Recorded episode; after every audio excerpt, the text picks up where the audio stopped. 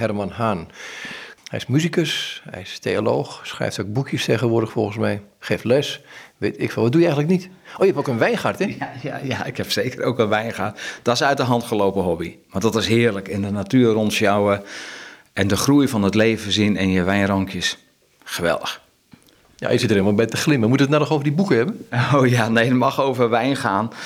Maar uh, het is gewoon een hobby. Een mooie hobby die een beetje professioneel geworden is. En ik zag aan die wijnstokken, aan het begin heb je een rozenstruikje staan. Ja, dat is om het, uh, zeg maar de luizen. Want de luizen zijn gek op uh, de bladeren van de wijnstok en op de vruchtjes zelf. En, en op de takken, de wortels, noem maar op. Maar dat is om de luizen weg te halen van de wijnstok. En dat doen de rozen.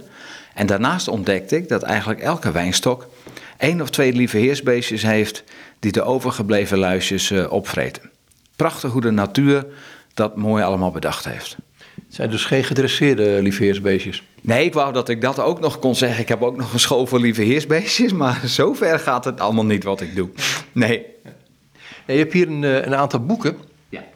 En um, ja, je hebt wel meer boeken dan dit. Maar je zei op een gegeven moment tegen mij, zei, jongens, um, dit worden de... Ja, hoe gaan die boeken de geschiedenis is, of de schrijvers van die boeken, of het onderwerp van de boeken eigenlijk? Ja, dat, dat is wat ik hoop. Dit zijn in hoofdzaak levensverhalen. Uh, en, en laten we eerlijk zijn, uh, ook uh, de Bijbel bijvoorbeeld is een boek voor levensverhalen. Met lessen erin, met, met moeilijke dingen en makkelijke dingen. En zo heb ik hier een stapel boeken voor me waarvan ik hoop dat over 2, 3, 400 jaar, als de aarde dan er nog steeds zou zijn en is, dat deze mensen de, de geschiedenisboek hebben gehaald. Dus niet alleen hun eigen boeken of door anderen beschreven worden, maar dat ze werkelijk onderdeel van de geschiedenis zijn. Denk je dat Bob Dylan dat zal zijn? Die is het eigenlijk al. Ja, dat zeg je. Ik bedoel, hij, het is nu een hype, maar meestal de mensen die... Kijk, Van Gogh wordt nooit geliefd tijdens zijn leven. Die werd het daarna pas. Hij is beroep tijdens zijn leven, dus denk ik, ja, daarna zal het wel aflopen. Ja, ik denk dat ik nu veel muziekhebbers, uh, liefhebbers de gordijnen injaag. Maar ik denk dat Michael Jackson over 20 jaar vergeten is. En dat Bob Dylan, ook vanwege de dingen die hij schrijft, de actualiteit... Dat, dat hij, ik hoop het tenminste, de geschiedenisboeken zal halen als iemand die de jaren 60 kleur en vorm heeft gegeven, maar ook verandering. Het zijn teksten die jou pakken, Ja, enorm. Omdat ze. Dat, daar zit als schrijver, herken ik uh, zeg maar het ritme wat in de zinnen zit, zonder inhoud zelfs. Maar dan als je kijkt naar de inhoud, zeker van uh, de periode 63 tot 67 ongeveer, wat hij schrijft, hoe hij uh, niet alleen schrijver was en zich verstopte, maar meedeed in demonstraties. Soms de enige blanke muzikant bij zeg maar een, een, een zwart festival was, hè, wat je toen nog mocht zeggen. Dan hij was meer dan een tekstschrijver, hij was ook iemand die in de bres ging staan. Heb je een boek liggen uh, met een voorwoord van Judy Collins, zag ik. Um, ook iemand uit die tijd. Ja. Uh, persoonlijke kennis van Bob Dylan. Want dit boek gaat dan over, uh, zeg maar, en er zijn honderden boeken van Bob Dylan. Maar dit is dan een boek die, die ons een beetje door de geschiedenis meeneemt tot uh, begin jaren 2000. Ja, hartstikke mooi. Het, het legt ook een beetje nadruk op zijn, zeg maar, christelijke periode, vandaar. Het gek is, kijk, ik vind zijn stem tegenwoordig, vind ik, het is... Um het is wat rouwend worden, of wat althans, zal ik het zo zeggen. stem meer. Hij heeft nou, laten we het daarop ja, houden dan. Ja, ja, maar ik, ik, denk als je die oude Bob Dylan's hoort, um, ik moet ze niet te lang horen, maar ik vind, er zijn van die teksten bij, van die liedjes bij, die zetten je meteen even uh, in je denken, word, word je meegenomen. En, en, je wordt aan het denken gezet. Hè? En dan laat je het los, dan denk je, oké... Okay, um, Kijk, je moet even het grote plaatje. Bob Dylan in die tijd was anders dan wie dan ook. En niet alleen qua persoonlijkheid, maar ook qua stemgebruik, qua uh, ritmegebruik. Uh, dus heel anders dan. Het was allemaal lief toen. Behalve dan zeg maar de echte rock en roll. Maar over het algemeen was het nog Pat Boone en, en noem ze maar op, weet je wel. En, en, die bepaalde de muziek. En dan komt er ineens zo'n zo man. Bill Haley in de Comets. het ja. concertgebouw hier geweest, toch? In de, in de rock and roll was dat al ja, anders. Ja. Maar dat ging nog steeds over, zeg maar, liefde. Rock and roll, liefde op de achterbank van je auto. Daar komt die term vandaan. Dat ging nergens over. Dan, dan over uitspattingen. Maar dan komt er ineens zo'n man alleen met een gitaartje, niet georchestreerd of wat dan ook. Maar, en die zingt dan ook nog vlijmscherpe liedjes. Ja, dat, dat, dat was een shock, ging door Amerika. En later een shock in Engeland toen hij voor de pauze. Je weet het? Oh ja, zeker. In Engeland, eh, Bob Dylan was naast Amerika in Engeland een enorme ster. Hij was er al een paar keer geweest, alleen met zijn gitaartje. En dan komt hij ineens in 1965, en dat is allemaal uh, gedocumenteerd in de documentaire Don't Look Back. En dan komt hij ineens met full band komt hij aanzetten. Ja, na de pauze. Nee, nee, nee. Uh, voor die... ja, het was voor de pauze. Akoestisch en na de pauze met een band. Ja, en, en de, de fans van Bob Dylan... Je ziet ze eerst klappen en een katzwijn vallen. En de, de klanken klinken van eh, de elektrische gitaar. En ze beginnen te vloeken en te schelden en te tieren. En ze herkennen, ze zeggen, we herkennen jou niet meer. Je bent een verrader. verrader werd er geroepen. Ja, hij werd verrader genoemd. En ik vind dat ook wel weer, uh, als je terugkijkt, is het ook wel weer, weer schitterend. Het past bij de mythe Bob Dylan. Maar ook bij hoe snel mensen je kunnen uh, Hosanna roepen en kunnen kruisigen. Dus dan denk ik, ging het eigenlijk wel om de inhoud die hij bracht... of was het meer iets waar ze zichzelf lekker bij vonden? Nou, dat ook. Maar toen was het nog romantisch om tegen iets te zijn. En hij, hij, was, hij is een profeet. Dus hij deed daar iets wat in de rest van de jaren gangbaar zou worden. Want ik noem Bob Dylan een profeet. Hij heeft niks te maken met religie of wat dan ook, maar hij is een ziener. Hey, je hebt hier wat andere boekjes liggen, want anders blijven we de hele tijd over Bob Dylan praten. Vind ik eigenlijk ben ik net niet goed, net geen groot genoeg fan van de, van de beste man. Maar goed. Ehm, morgen is mijn dag. Ja, dat is een boek, uh, levensverhaal van uh, een, een uh, Nederlandse jonge man uit Vlissingen met zijn vrouw Natasja. ik heb het voorrecht gehad om hun in een documentaire te mogen verfilmen.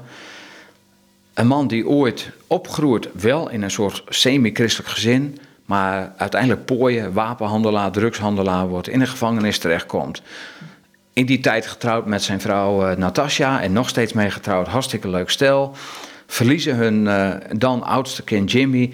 En zijn, zijn uh, laatste woorden zijn: Mama, God bestaat echt. En dat heeft zoveel verandering in dat gezin. En dat is opgetekend in dit boek. Morgen is mijn dag. Maar voor mij is dit een van de mensen waarvan ik hoop dat ze de geschiedenisboeken zullen halen. In de zin van Kijk, het boek is leuk. Het, het is uh, geschreven door David Pieters. Zijn vader is uh, uitgever, zijn eerste boek. Het is simpel, het is mooi. Uh, maar waar het mij eigenlijk vooral om gaat, is wat eronder zit. Dit is een man die nu probeert via allerlei stichtingen straatluid te bereiken, enzovoort, enzovoort. En ik heb daar enorm bewondering voor. Je ziet heel veel van dit soort mensen in de katholieke wereld, zeg maar, die dan priester worden of die als pater ergens naar het buitenland gaan. Je ziet in de protestantse wereld eigenlijk veel te weinig van dit soort mensen. En daarom ligt hij ook nog bovenaan mijn lijstje, omdat een, misschien een gewoon verhaal, in de ogen van ons, hè, tot een heel bijzonder verhaal wordt en de, de, de, de tand van de eeuw kan verdragen. Ja, wezen gaat het verhaal door, hè? Ja, in de zin van. Nou, er ligt een Bijbel bij. Ja. Uh, je niet meteen naar te pakken, maar uh, daar is het in handelingen begonnen. En dit is ja. het verhaal wat doorgaat. Nou, dat is zo mooi. En je noemt het, hè, het boek Handelingen, het wordt zo vaak gezegd. Maar het boek Handelingen is het enige boek in de Bijbel wat, wat midden in een zin stopt. Het is niet af. Geen groet, niks. En God heeft dat volgens mij met opzet zo bedacht, omdat wij nog steeds in het tijdperk handelingen leven. En nu is het aan Ricardo bijvoorbeeld, maar ook aan jou en mij en de mensen om ons heen de taak om onze eigen boekhandelingen te schrijven. En dat, dat, dat vind ik mooi. Daaronder, daar, achteronder, nee, daar bovenop, er ligt ja. een ander boek. Um, The Lost Art of Forgiving. En dat is van Arnold, uh, Christopher Arnold. Christopher Arnold eigenlijk. Ja. Vertel eens, die komt uit een soort van, van leefgemeenschap in Zuid-Engeland. Ja. Waar, waar Eberhard Arnold was het, meen ik. ik. Ik ken ze niet allemaal, maar er komen verschillende boeken af die, die ook expliciet over vergeving gaan. Ja, ja omdat uh, genade en vergeving in die gemeenschap zeg maar voorop staat. En deze man, uh, uh, schrijver, heel veel mensen heeft ontmoet. En ontmoet waar vergeving, maar ook, uh, in Engels heb je daar twee termen voor, mercy en grace. Hebben wij helaas alleen maar één woordje voor genade. Een, een rol speelt. Hij schrijft over Martin Luther King. Hij schrijft over, ik noem het even het Napalmeisje. Uh, die later uh, christen geworden is. Die woont in Ontario, Canada. Een enorme, hè, wij noemen dat bediening heeft. Uh, in het vergeven, het leren vergeven als je iets heel ergs is aangedaan. En dit boek, ook Martin Luther King wordt hier beschreven. Bekende mensen, onbekende mensen. En ze zijn op een dag allemaal, stonden ze voor de deur die ze uit eigen vrije wil in konden gaan of ervoor konden blijven staan. Vergeef ik mijn vijand, degene die mij iets heeft aangedaan of niet. En hij noemt het dan ook hè, de, de, de verloren ja, kunst, de, de verloren van, van vergeving. En ik, ik vind dat mooi. Maar ik hoop ook dat deze mensen, dat zij in de geschiedenis overeind zullen blijven. Want verhalen van vergeving, verhalen van genade ontvangen, maar ook uitdelen, die verhalen moeten verteld blijven worden. Vandaar dit boek op, vandaar dit boek op mijn lijstje. Ik moet aan Corrie ten Boom denken meteen. Direct. Hè, die, die op het perron ergens na de Tweede Wereldoorlog oog in oog met haar kambeul komt te staan. En dan, en dan, moet, je, dan moet je iets doen. Ja, en dan moet je iets doen. En dan kun je wegrennen, wat helaas veel mensen doen. Of je gaat toepassen wat je zelf gelooft. Hoe moeilijk het ook is. En dat is niet alleen vergeving ontvangen. En wat ik nu ga zeggen, zeg ik bewust zo. Maar niet alleen dus ontvangen, maar ook proberen uit te delen. Want ook vergeving kan in stapjes komen. Nou, zij zei zelf, tenminste als ik me goed herinner, heer, dit kan ik niet. Maar ze is toch naar toegestapt en hem die hand gegeven. En, en dan krijg je schijnbaar de kracht. Of schijnbaar, ze kreeg de kracht. Ja, de verhaal ik meer over iemand die, die um, mishandeld is in Egypte. En dan haar mishandelaar. Ze zegt, ja, op het moment dat ik de hand toestak, ik vergeef je, dan gebeurt het pas. Niet vooraf, je kunt het niet bedenken. Nee, nee. En, en dat vind ik het mooie van, zeg maar, geloven in God en geloven in de Bijbel. Hij is geen tovenaar die het van tevoren allemaal voor je regelt, maar hij gaat met je mee. Hij, hij wandelt met je, hij pakt je bij de hand. En als het even te shaky is, dan knijpt hij er even zachtjes in. Je moet het zelf doen, maar hij is je ruggensteun. Maar goed, er zit in vergeving in de weg naartoe vaak ook een enorm stuk woede, kan ik me voorstellen. Vooral omdat als je ziet wat die mensen aangedaan is. Ja, woede, maar ook frustratie, bitterheid. Dat is allemaal gevolg van woede.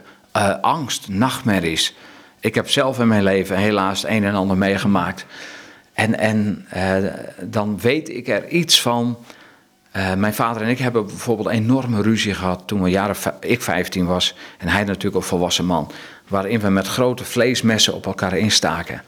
Enorme ruzie. Dat had tot gevolg dat ik hem jaren niet gezien heb. Maar uiteindelijk toch dacht, ik was toen uh, predikant van een kerk uiteindelijk. Dacht, ja, ik heb het zo vaak over vergeving. Ik heb het zo vaak over vaderschap. En ik haat mijn eigen vader. Dat kan gewoon niet. Want ik word een leugenaar. En, en niet wat goed, maar het maakte mij beseffen, ik moet die man opzoeken en ik moet hem vergeving schenken. Maar wat moet je dan in jezelf overwinnen? Want het gaat niet zomaar, denk ik. Nee, je moet angst overwinnen, frustratie en vooral de gedachte, maar ik heb toch gelijk en hij heeft geen recht op vergeving. Weet je wel, allemaal dat soort dingen. Maar uiteindelijk, als ik recht op vergeving heb, of jij, heeft hij het ook. En wie ben ik om hem dat te onthouden? En vergeving herstelt vaak relaties. En mensen willen vaak, dat merk ik in het pastoraat heel vaak, mensen willen vaak in hun gelijk blijven staan. En, en, en uh, dat belangrijker vinden dan wat dan ook. En ja, ik had gelijk. Er zijn mij dingen aangedaan. Maar als die dingen mij hinderen voor de toekomst, heb ik ook weer niet meer gelijk. Weet je wel? En uh, dus ik weet er ietsje van om zeg maar je vijand te vergeven een hele gemene vraag nu, maar uh, jullie, gingen elkaar met, jullie gingen elkaar met vleesmessen te lijf. Je hebt het kok geworden een tijdje. Heeft het daar mee te maken? Nee, niks. Maar wel dat wij een horecabedrijf hadden waar de vleesmessen voor het uh, grijpen lagen. En, dus, uh, en dat was, mijn vader had mijn moeder weer eens een keer helemaal in elkaar geslagen. En ik was ten einde raad, zeg maar. Ik denk, die man gaat eraan.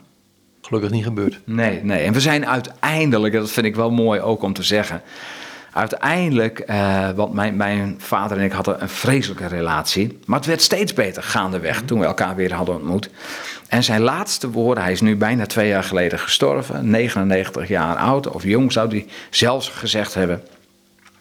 Zijn laatste woorden, heldere woorden waren: Herman, hoe het met de wijngaard? En geloof me, voor mij was dat een soort innerlijke genezing dat die man dat tegen mij zei. We zijn begonnen met muziek. Ik ga verder met muziek. Stormy on Martian. Um, dat is, dat is een, een, een begrip in de muzikale wereld. Ja, Stormy en Michael O'Martin, vooral Michael O'Martin, maar dit boek lag even, even zeg maar eh, voor het grijpen. Uh, jaren tachtig was Michael en Stormy O'Martin waren producers van grote artiesten kwamen tot geloof, uh, maar hebben toen gelukkig, in tegenstelling tot veel muzikanten die tot geloof komen, niet de gitaar en zij waren meer van de toetsen en zo in, uh, in de wilgen gehangen, maar ze hebben zeg maar achter de schermen de muziek kleur gegeven en, en artiesten geholpen. En uiteindelijk heeft dat geleid tot, tot een heel werk wat veel groter werd dan muziek, maar ook proberen uh, ze waren en zijn nog steeds erg van het gebed van gezonde voeding en noem maar op. Ja, dat is een laatst boekje wat ik van hen ken. Uh, ja. Gezond leven, iets dergelijks? Ja, ja, maar voor hun is gezond leven, gezond eten, gezond, ja. maar ook gezond leven als gezin. En, en gezond bidden, weet je, allemaal dat soort dingen, eh, dat komt bij hun hand in hand. Maar waar het bij mij vooral om ging om dit boek te pakken, is achter de schermen hmm. hebben zij de muziek richting gegeven. En ook de christelijke muziek. En dat. Uh, en daarom ligt dit boek ook op mijn eh, stapel, stapeltje. Want sommige mensen werken achter de schermen. Hun naam wordt nooit genoemd. Maar ik denk dat, dat, dat in de hemel en in de geschiedenis hun naam enorm groot zal zijn. Maar heb je het dan alleen over gospelmuziek? Nee, ook over seculiere muziek. Voor mij bestaat dat onderscheid als muzikant niet zo heel erg. Uh, er is muziek. En soms zing je over God en soms niet. Ik kan me iets bij voorstellen. Hey, maar het, heet, het boek heet uh, De kracht van een biddende huisband. Hoe heet het? Een biddende man. Ja, ja een biddende. er, zijn vaak, er zijn vaak de echtgenotes die bidden. Maar in dit geval kunnen mannen dus ook bidden. Ja, precies. Want uh, dat vind ik dan gewoon weer leuk. Ze, ze, draaien gewoon dingen om, weet je wel. En tegelijkertijd moet ik er ook bij zeggen... als ik het dan uh, zo allemaal zie en hoor dan, kijk, voor mij is het allemaal de Amerikaanse en zo. Maar ik denk dat God daar niet zo naar kijkt. Hij kijkt naar de intentie waarmee het gebeurt en wat het achterlaat bij mensen. En dan denk ik, ja, het is goed dat de nadruk ook gelegd wordt dus op een biddende man, in plaats van de vrouw die altijd op haar knietjes ligt. Denk maar die culturen dat God een vertaal, vertaalbureautje heeft, denk ik. Maar goed. Ja, ja, of een humorbureau. Ja, dat kan het ook zijn. Maar goed, al, al die culturen. Nou ja, goed, laat daar niet over hebben. Hey, ik ga naar um, Else Vlug toe. Peter en Else Vlug. Ja. Um, dan heb je het over Nederland. En Curaçao natuurlijk. Ja, en, en jaren 50, jaren 60. En over opwekking, wat nu een conferentie is van, van, van 30, 40.000 mensen. Waar Peter Vlug vooral als organisator en later een van de gezichten op de achtergrond bij betrokken was. Waarom ligt dit boek hier ook? Zij zijn een, een baken in uh, Evangelisch Nederland. Maar Peter Vlug, zonder dat hij het weet, heeft mijn leven veranderd. En misschien weet u het ook wel. Ik zat een keer bij hem in Voorthuizen, was in de jaren negentig. Ik was toen leider van een bijbelschool. En ik had het gehad met alle politieke gedoe en in leiderschap, weet je wel. Ik was zo gefrustreerd, dus ik had een gesprek met hem aangevraagd. En ik heb een uur met hem gesproken. Het was een mooi gesprek, maar één ding zal ik nooit vergeten. Hij zei tegen mij: Herman, op weinig vragen die je hebt, heb ik antwoord. Maar ik heb één advies voor je. En dat is zorg ervoor als je wat ouder bent, en ik, ik hol nu naar de 60, zorg ervoor dat je geen bittere oude man wordt. En die woorden heb ik sindsdien spelen elke dag een rol in mijn gedachten. Blijf houden van het leven. Blijf houden van mensen. Zie dingen door de vingers. Relativeer. Zorg dat je geen uh, bittere oude man wordt. En toen kwam later dit boek van hun uit. En wij hebben het geloof behouden. En dan herken ik wat hij dan weer zegt. Zorg dat je niet bitter wordt, maar behoud het geloof. En dat, dat klinkt misschien wat zwaar, zo bedoel ik het helemaal niet. Maar het was een van de meest wijze lessen die ik ooit in mijn leven heb gekregen. Ja, je toen een beetje de, de, de smorende politiek en het, al die dingen meer, zei je. Ja. Uh, hoe word je dan niet bitter? Uh, nou, wat, eigenlijk wat ik net al een beetje zei, relativeer, maar zie ook de humor van dingen in. Zie de... Ja, maar op dat moment was je, zat je vol met van uh, politiek deugd niet. Ik, ik, noem maar een dwarszaad. Er zijn ja. meer dingen geweest. Ja. Moet je dan in ene daar een andere kant op draaien? Want het, dat, dat, dat is niet alleen uh, een deur die je open kunt gaan doen of, of waar je naar kijkt, maar het is ook een deel van jezelf op zo'n moment, zo'n houding. Ja, en ik bedoel dan vooral de evangelische politiek. Hè? Jij nodigt mij uit, ik nodig jou uit dat, dat tot mijn stomme verbazing ontdekte ik dat zelfs in de christelijke wereld, en ik hoorde dan bij die zogenaamde leiders, hè, dat, dat politiek daar de hoofdrol speelde. Als je van mij houdt, hou ik van jou. Als jij mij leuk vindt, vind ik jou leuk. Als je Dus, mij... dus je kunt nooit, nooit eigenlijk je recht, recht van zijn raap iets eerlijk zeggen tegen iemand, tenminste op een beschaafde manier. Maar daar pas je wel op. Ja, precies. Maar ook, het, er werd op dingen gelet. Als je een kostuum aan had, was je belangrijk, weet je wel. Eh, als je in spijkerbroek kwam, dat soort idiote voorbeelden. Ik zal nooit vergeten, ergens een vergadering die we hadden over... eh, en ik dan als bijbelschooldirecteur, zeg maar, kwam daar ook... over de, de toekomst van de jeugd van Nederland. Nou, we allemaal leiders bij elkaar, maar het was net de tijd dat laptops inkwamen. Dat waren toen nog eh, bommen. Nu zijn het smalle kleine dingetjes, toen nog heel groot. En de vergadering begon, maar de laptops kwamen op tafel... en we hebben twee uur lang over laptops gepraat... in plaats van over de visie voor de jeugd van Nederland. Nou, dat soort dingen... Oh, daar werd en word ik zo boos om. En dat was die bitterheid die begon te groeien. Maar toen heb ik uiteindelijk geleerd, daar ben ik nog steeds mee bezig. Het is mijn eigen verantwoordelijkheid. Dat soort dingen, dat leer je dan heel snel. Is, is dan de herkenning van dit is niet lekker wat ik nu doe belangrijk? Ja, zeker ook. Maar het hindert jezelf. Hè? Als ik bitter word, is het niet hun verantwoordelijkheid, maar is het mijn eigen verantwoordelijkheid. Ik heb trouwens wel heel leuk, de volgende vergadering die we hadden, kwamen weer de laptops op tafel. Ik had een heel oud Adler typemachientje meegenomen. En eh, die zette ik, ik deed mijn koffertje open en ik pakte de Adler typemachinetje en deed daar een papiertje in. En ik moet wel zeggen, tot hun voordeel, ze begrepen de les wel een beetje. Ja. Tijd van piepers geweest. ook. Oh, ik heb een vergadering een aardappel meegenomen. ja, nou, weet je wel. Dat soort dingen. Maar dat, als je kunt... Ik zeg ook altijd, jongens, het leven is serieus, maar wel met een grote glimlach. En je moet de betrekkelijkheid van dingen inzien. En, en eh, ja, en ik ben nou eenmaal een hippie. En, en misschien ben je dan tegendraads. En ik wil tegendraads zijn.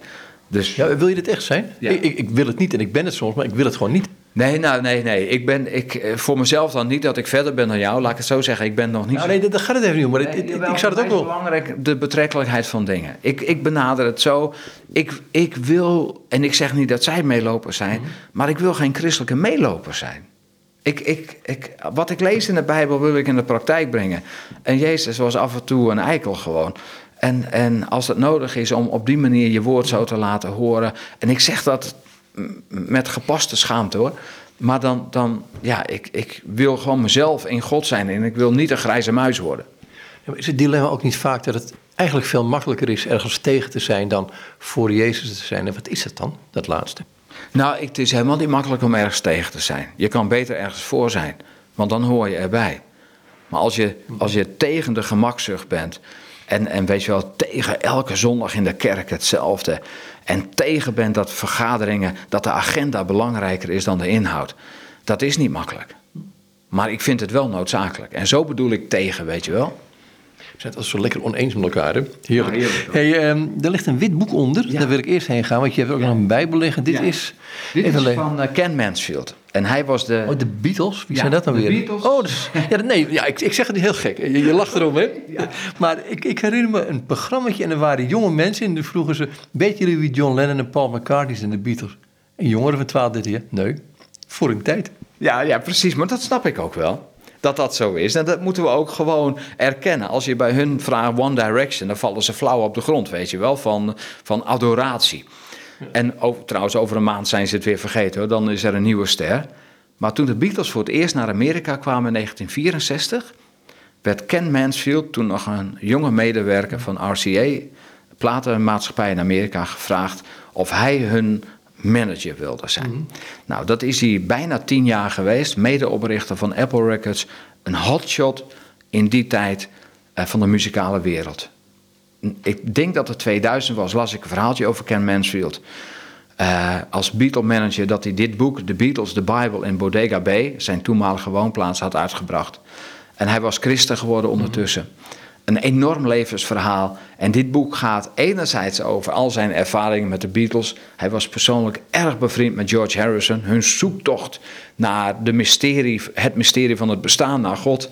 En dan uiteindelijk zijn eigen surrender-overgave naar God toe. En eh, een prachtig boek vanwege de muziek inhoud. Een prachtig boek vanwege alle prachtige verhalen over mensen. Roy Orbison, noem maar op, die je allemaal wilt weten. En een prachtig boek als het gaat om de levensles die je leert.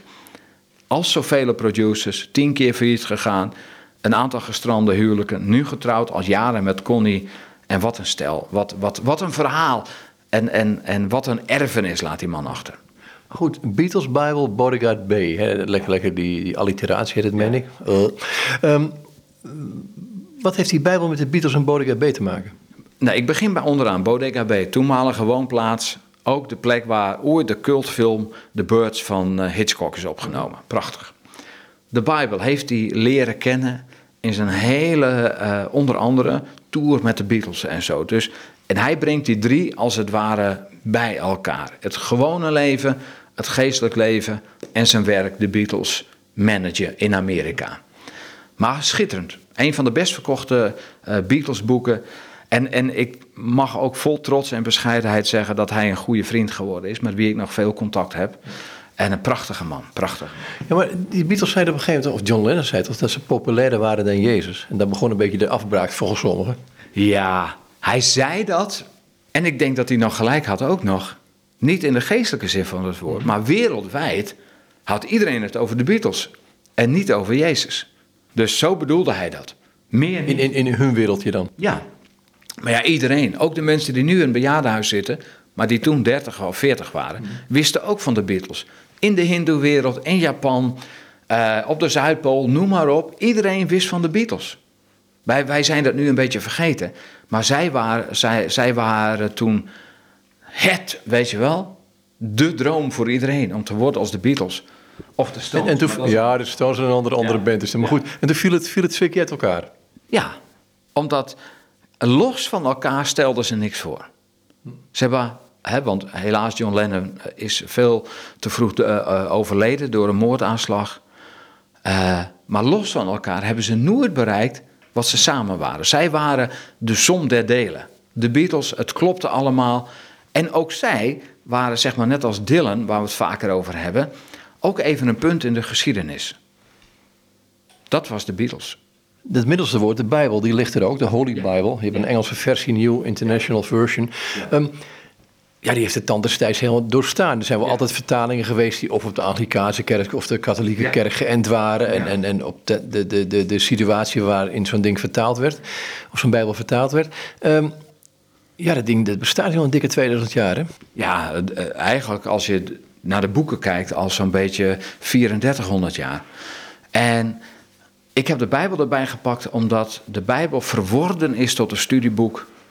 En, en, en dat het verhalende uit het boek en het bemoedigende er een beetje uit uh, verdwenen is. Zij de directeur van een bijbelschool. Ja, en zij degene die toch ook HBO-theologie heeft gestudeerd. Tot je spijt? Nee, helemaal niet, want eh, het geeft een kennis die gewoon heel goed is.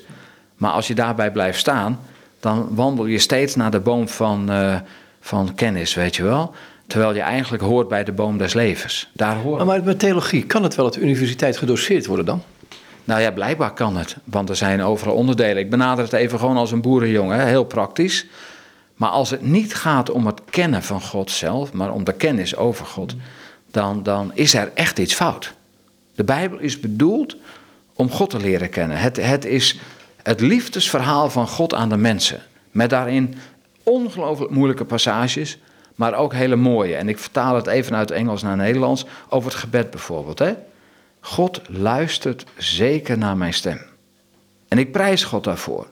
Want hij heeft mijn gebed niet verworpen. Hij heeft het niet teruggehouden. Zijn liefde voor mij is groot. En hier leer ik uit dat God mij serieus neemt. Hij luistert naar mijn stem. Of hij er wat mee doet, is zijn verantwoording. Maar hij luistert naar mij. Hij herkent, maar vooral erkent mij in wie ik ben. Ik ben Herman Haan en ik mag op mezelf lijken. En daardoor lijk ik op Jezus.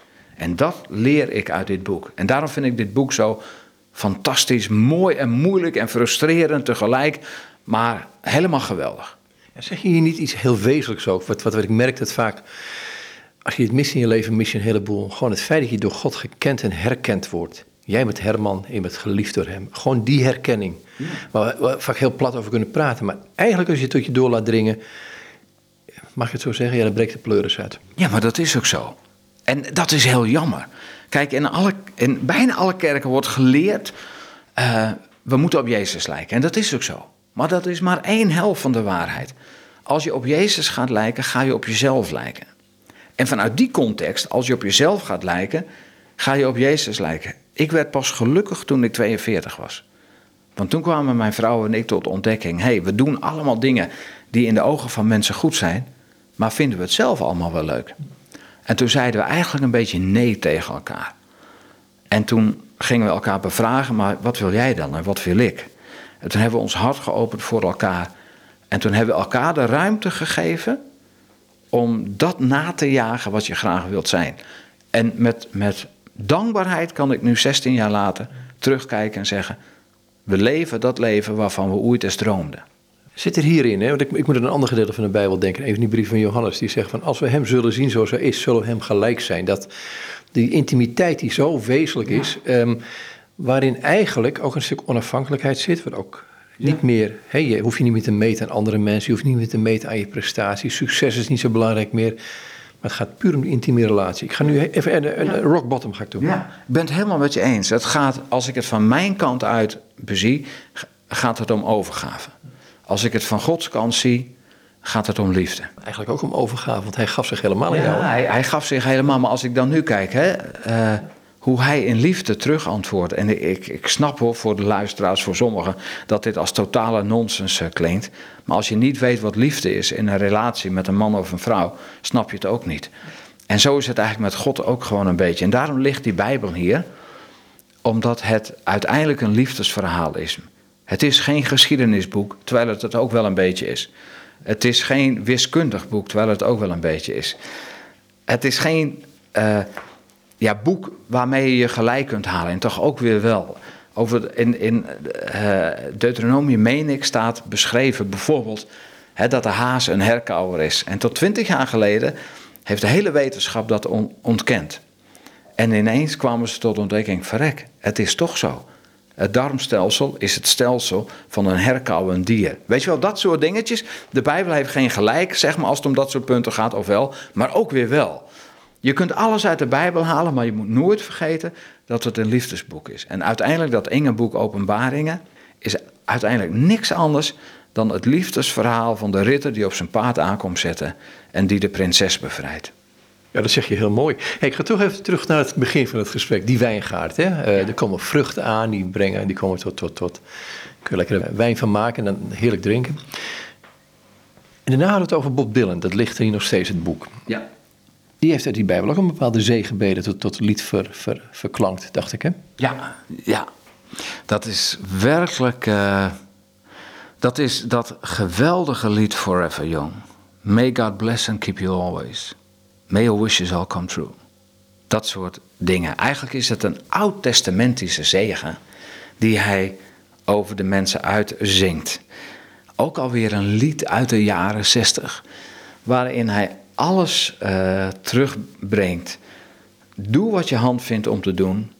Zet je voet waar je voet naartoe moet gaan. En de wens is forever young, maar wel met het uitgangspunt: mag God dat geven. Nou, prachtig. Mooi kan dat eigenlijk niet. Nee, vind ik ook. Hé, hey, dankjewel. Graag gedaan. Mooi.